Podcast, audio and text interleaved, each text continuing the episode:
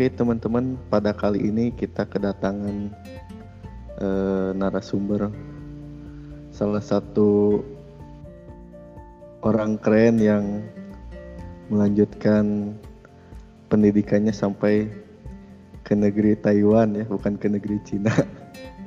Nah, mungkin di sini saya bakal kenalin dulu. Jadi beliau itu namanya Kang Muhammad Ilham Fadilah. Nah, mungkin nanti lebih detailnya biarkan beliau langsung perkenalan diri aja kali ya. Ya mungkin kita coba sapa dulu beliaunya. Halo Kang. Halo semua pendengar. Nah mungkin uh, kita langsung ke pertanyaan yang pertama ya. Uh, nah mungkin bisa dijelasin uh, Kang Ilham itu siapa sih gitu misalkan uh, dari misalkan sekarang kerja di mana gitu terus sehari-hari terus dan lain-lain lah gitu lebih ke uh, pengalaman apa pengenalan diri sendiri gitu. Oke, tadi di awal saya pasnya sempat bilang salah satu orang keren, tapi masih ngerasa kapasitasnya belum sampai situ sih. Oke, saya Ilham. Saat ini saya sudah menjadi seorang suami, juga seorang programmer di satu perusahaan di Bandung, yaitu kreasi inovasi digital yang bergerak di bidang HR. Nah, di sana saya bekerja sebagai seorang uh, front end web developer. Sudah bekerja dari tahun 2019 di saat uh, berdirinya perusahaan uh, KID itu sendiri. Uh, saya senang menjadi seorang front end web developer karena menurut saya nggak hanya logik saja gitu yang dilibatin karena ada interaksi juga dengan uh, visual design jadi karena dulu juga saya nggak hanya seneng dengan matematika gitu sempat senang juga sama dunia desain. Ini sebagai FYI aja dulu sempat uh, saya daftar ke desain komunikasi visual jurusan kuliah. Sempat keterima cuman ya karena um, lebih ngerasa pengen belajar sendiri aja sih kalau desain dan ternyata sekarang di kerjaan dapat juga gitu uh, porsi desainnya selain uh, mikirin logic atau di coding kayak gitu. Jadi eh, sehari-hari di KID itu eh, berarti kan eh, bisa dibilang startup ya baru banget gitu ya. Nah di kan tadi di KID itu di bidang HR ya. Iya. Nah mungkin bisa dijelasin gitu teknologi yang dipakai di sana apa aja sih gitu karena kan Kang Ilham juga termasuk katanya tadi orang pertama gitu ya sebagai perintis lah bisa dibilang gitu ya gimana sih waktu awal nentuin teknologi stack di sana kayak gitu-gitu terus sampai akhirnya uh, terus ngebuild produknya itu sendiri gitu di awal nentuin teknologi yang dipakai khususnya di sisi front end sempat ada brainstorming antara tim lead sama uh, tim developer. Jadi sempat ngasih masukan kira-kira apa sih uh, framework atau library yang mau dipakai ketika development nyambung ke back end juga terus ke environment yang mau dipakai di sisi DevOps uh, pakai apa. Lalu uh, setelah beberapa kali diskusi sih dan itu ngelibatin juga uh, salah satu uh, pendirinya di KID pada saat itu ngasih masukan bahwa sebisa mungkin pakai teknologi yang scalable dalam arti jangka panjang itu bakal selalu banyak yang uh, dikembangkan. Supportnya khususnya dari komunitasnya juga sudah besar. Dan uh, tentunya karena kita juga punya timeline sendiri buat present ke calon investor jadi yang istilahnya uh, agak rapid gitu buat di development gitu. Dan kita juga sempat mikirin tentang security-nya. Selain hanya rapid development kalau kita sempat benchmark ke salah satu uh, metode SSR atau server side rendering. Waktu itu sih benchmarknya pakai PHP jadi uh, dengan segala pertimbangan uh, kami menghindari untuk menggunakan uh, bahasa pemrograman yang sifatnya server side rendering. Jadi jatuhlah pada uh, metode yang uh, CSR atau client side rendering dan tentunya kita nerapinnya uh, MPA atau multiple page application. Jadi jatuhnya pada React pada itu. Dan untuk sebelum kita mulai ngoding khususnya tim uh, front end web developer itu masih uh, menggunakan boilerplate. Gitu. jadi karena di KID sendiri menggunakan metode uh, agile jadi biar mempercepat waktu development ya kita memanfaatkan uh, itu. Berarti bisa dibilang teknologi yang dipakai di KID itu khususnya di uh, front end lebih tepatnya ke JavaScript mungkin ya ke JavaScript terus React mungkin ya tadi ya bilangnya. Iya. Berarti bisa dibilang uh, nge apa ya nge adopsi JavaScript gitu ya istilahnya. Betul. Nah mungkin untuk pertanyaan selanjutnya uh, bisa diceritain gak sih pengalaman Kang Ilham sebelum uh, bekerja di KID ini gitu. Jadi misalkan pengalaman sebelum uh, join ke KID itu gitu. Bisa. Jadi pengalamannya saya kerja di tempat yang terakhir kali sebelum masuk ke ide itu ke di pusat riset di salah satu universitas negeri di Bandung.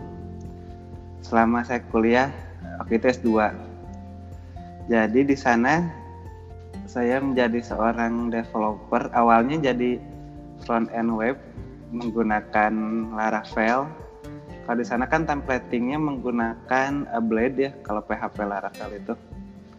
Terus uh, sempat garap ke Android menggunakan MVVM patternnya pada saat itu. Itu masih tentang front end. Terus dan gak lama sekitar setahun di awal tahun kedua itu saya mulai garap sebagai seorang full stack developer. Jadi mulai ke back end dan situ saya mulai dikenalin dengan JavaScript untuk backend yaitu pakai Node.js terus Express untuk bikin microservice uh, REST API dan juga sempat upload file uh, eh, GR uh, eh, remote procedure call concurrent. Jadi udah mulai uh, tahu ternyata JavaScript itu yang dulunya jQuery gitu yang sempat uh, lama pakai JavaScript itu sekarang udah bisa melakukan banyak hal.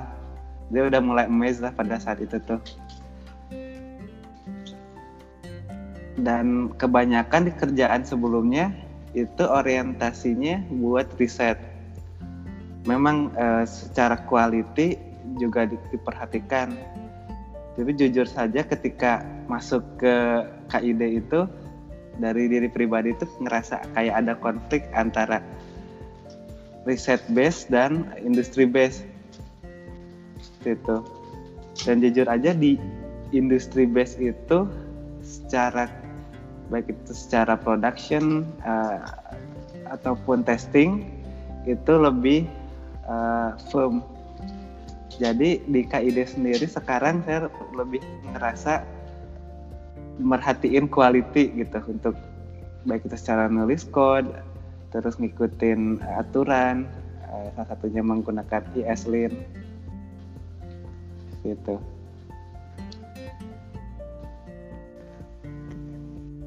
Jadi lumayan ini juga ya. Jadi sebelumnya di bidang research gitu ya. Jadi banyak teknologi yang dipakai juga dicoba. Cuman ya jatuhnya gak apa ya nggak ke implement gitu ya ke real benar-benar project gitu ya.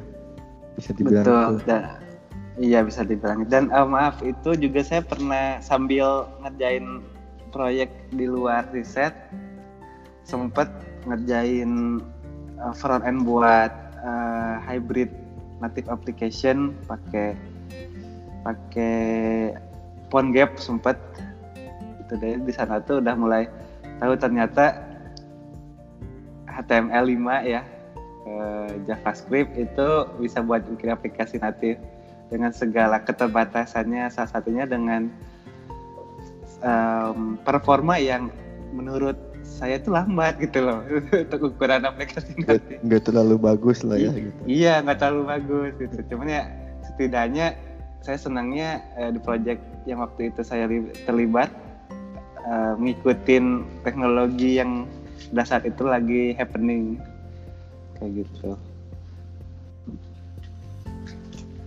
Kalau project yang berker, yang berkesan di kantor saat ini apa sih yang lagi digarap gitu yang menurut Kang Ilham sangat berkesan gitu? Yang saat ini digelar dan berkesan ya adalah salah satunya ada modul yang di awal ketika development.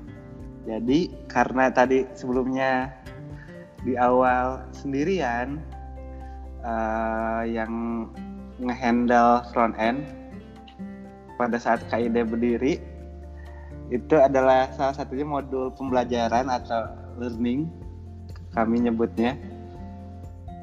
Nah, Kayak itu- Udemy gitu ya bukan? Iya, kayak Udemy gitu. Jadi memang salah satu istilahnya kiblatnya eh, produknya yaitu Udemy atau teman-teman yang belum tahu itu seperti on- online course. Iya iya Pak.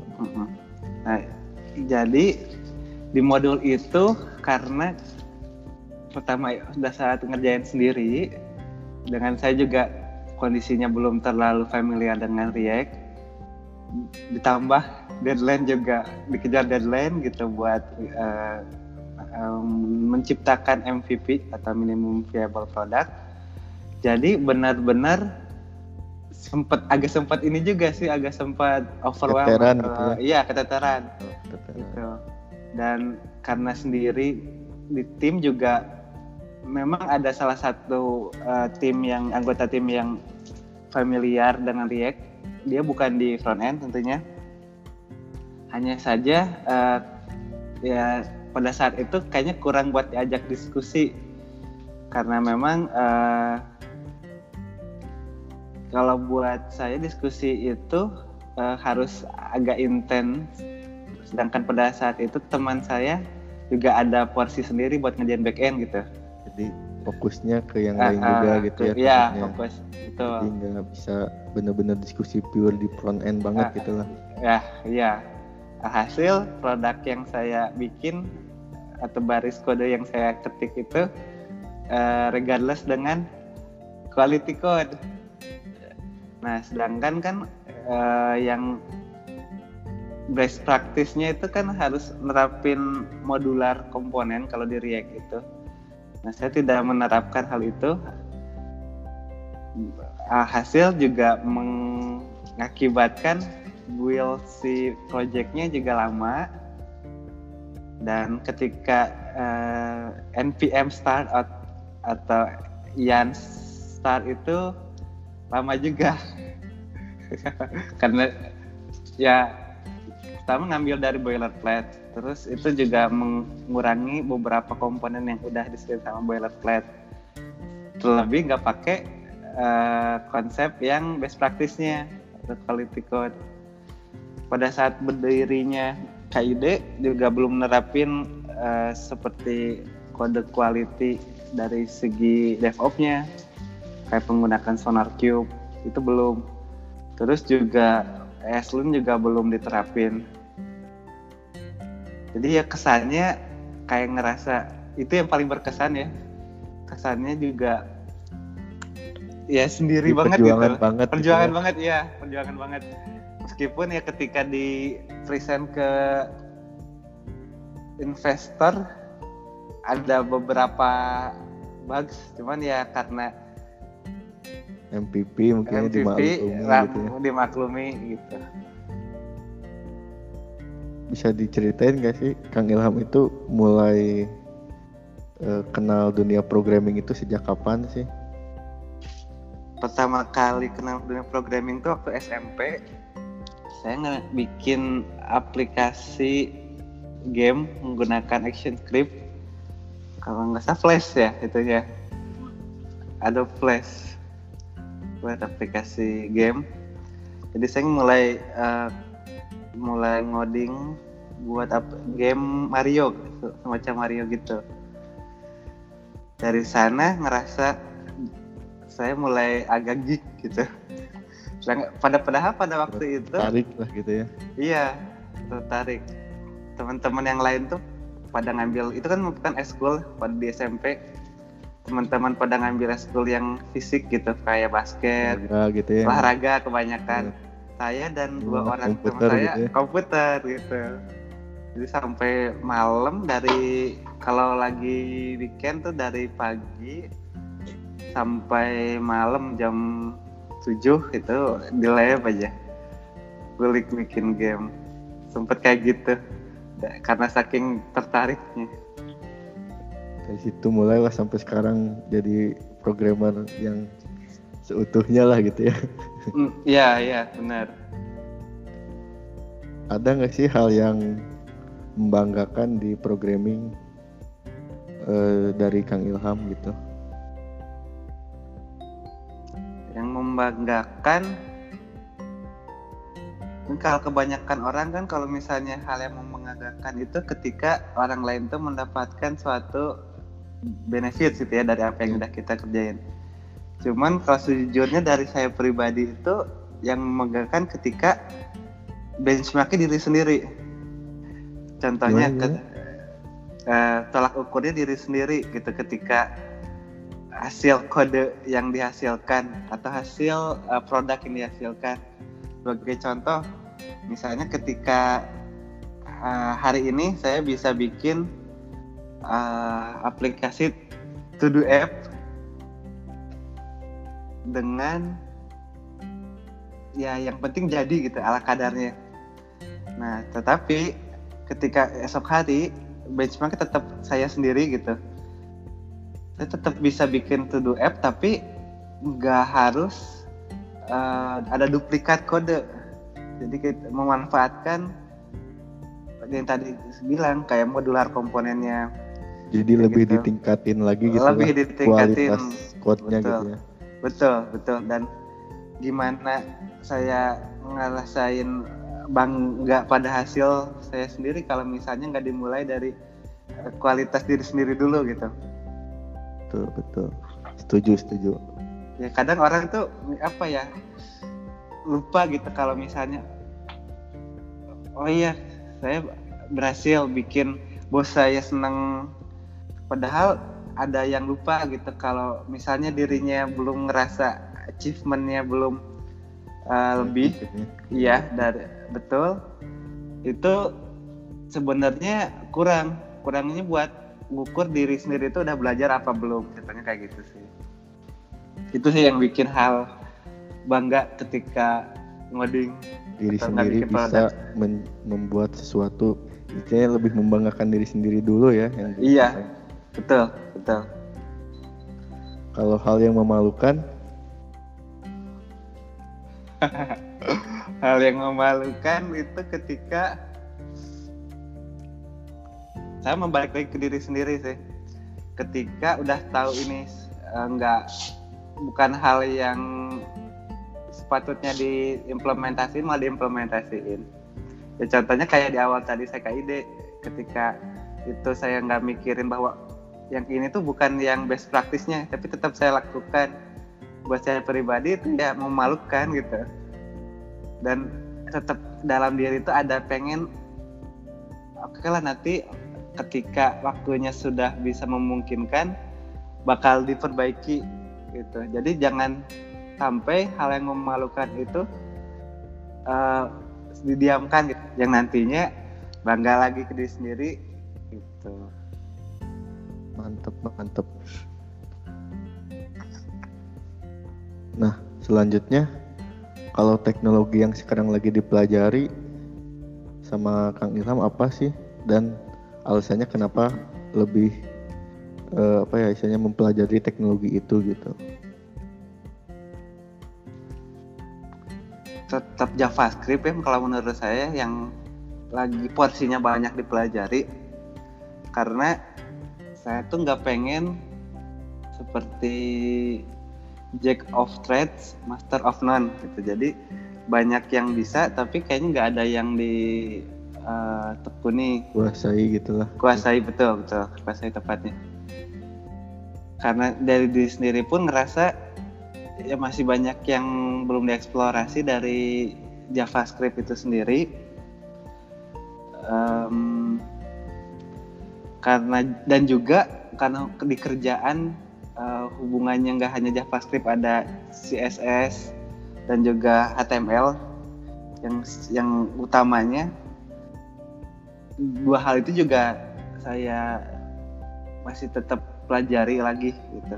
Di luar kerjaan karena saya juga di sini statusnya masih sebagai mahasiswa uh, PhD uh, untuk menggunakan riset saya juga mempelajari bahasa pemrograman lain untuk uh, riset saya yaitu neural network. Jadi menggunakan Python library-nya Keras dan, dan TensorFlow. Iya itu sih yang lagi ditekuni buat belajar keren juga ya jadi gak hanya di fokus di web aja gitu ya atau di front end tapi uh, fokus juga di tentang uh, machine learning atau AI gitu ya. Mm -hmm, ya, yeah.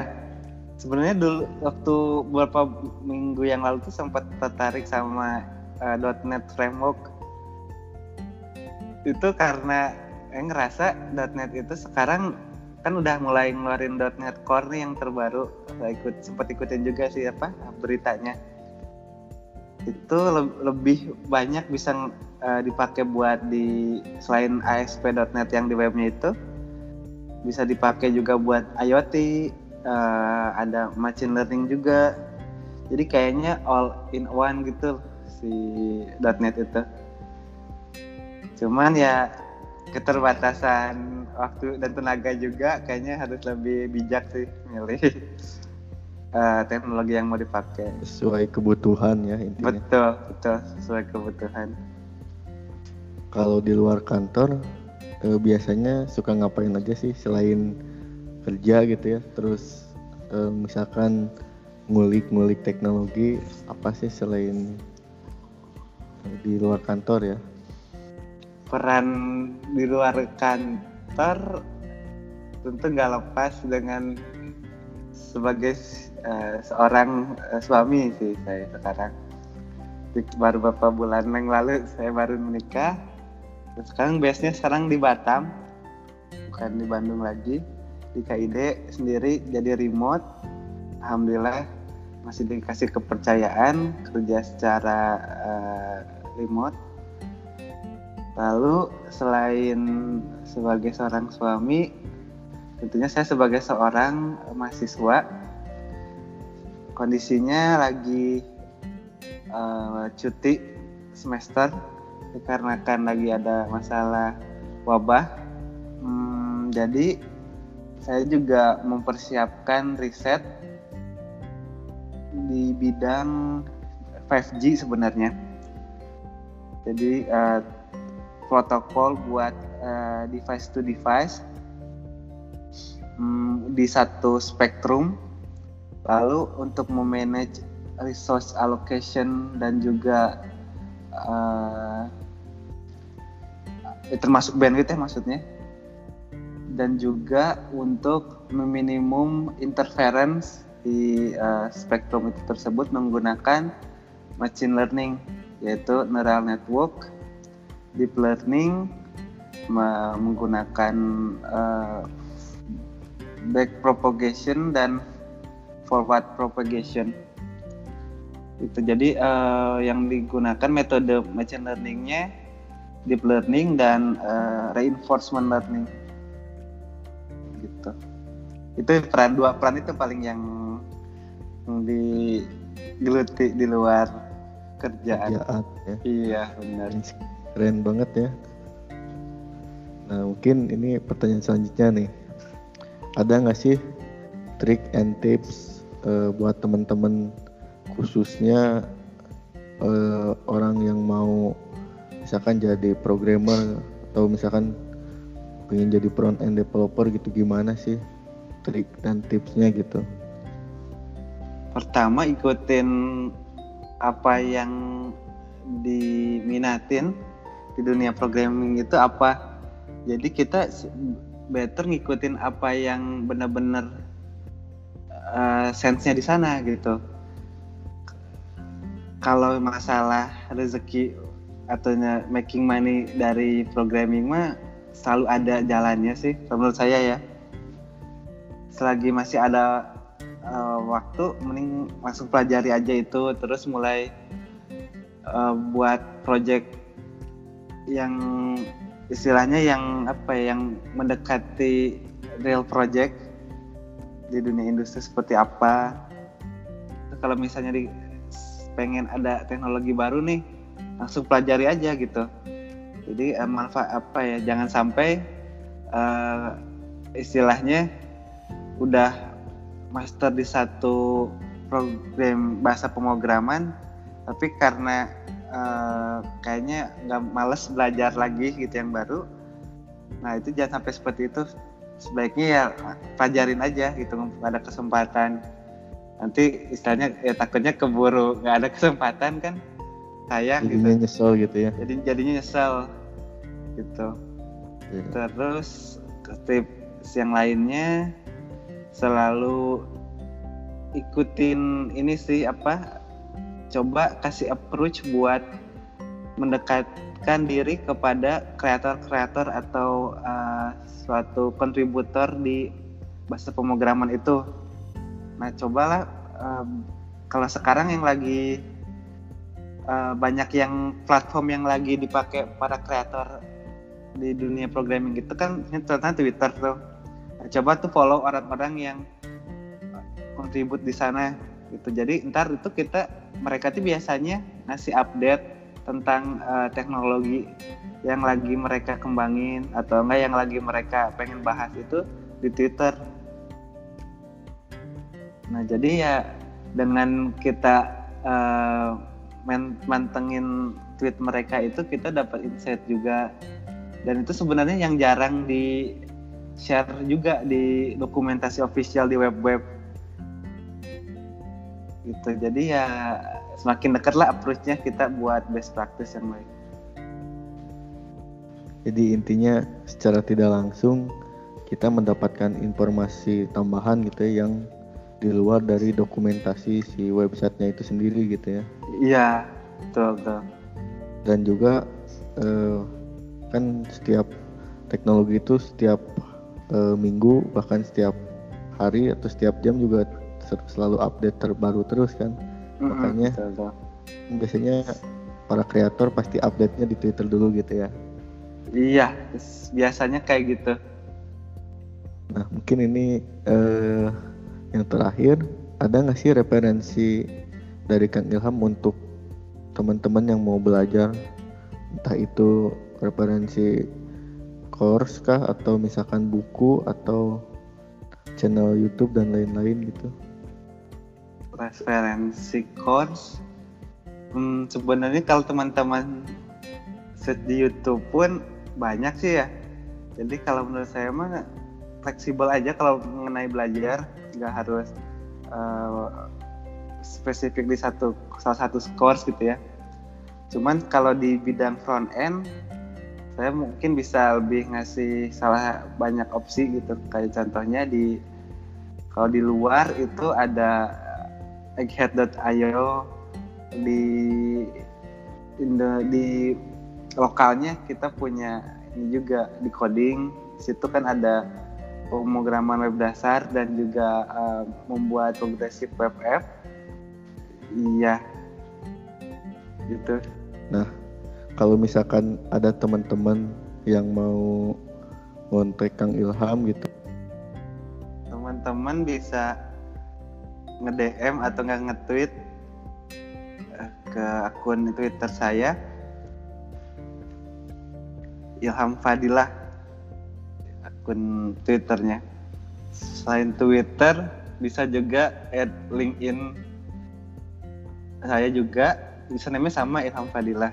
Jadi uh, kan sekarang platform LinkedIn itu udah sangat berkembang ya jadi nggak cuma buat cari kerja doang gitu bisa juga sebagai share portofolio atau apa yang prototipe yang mau dikerjain.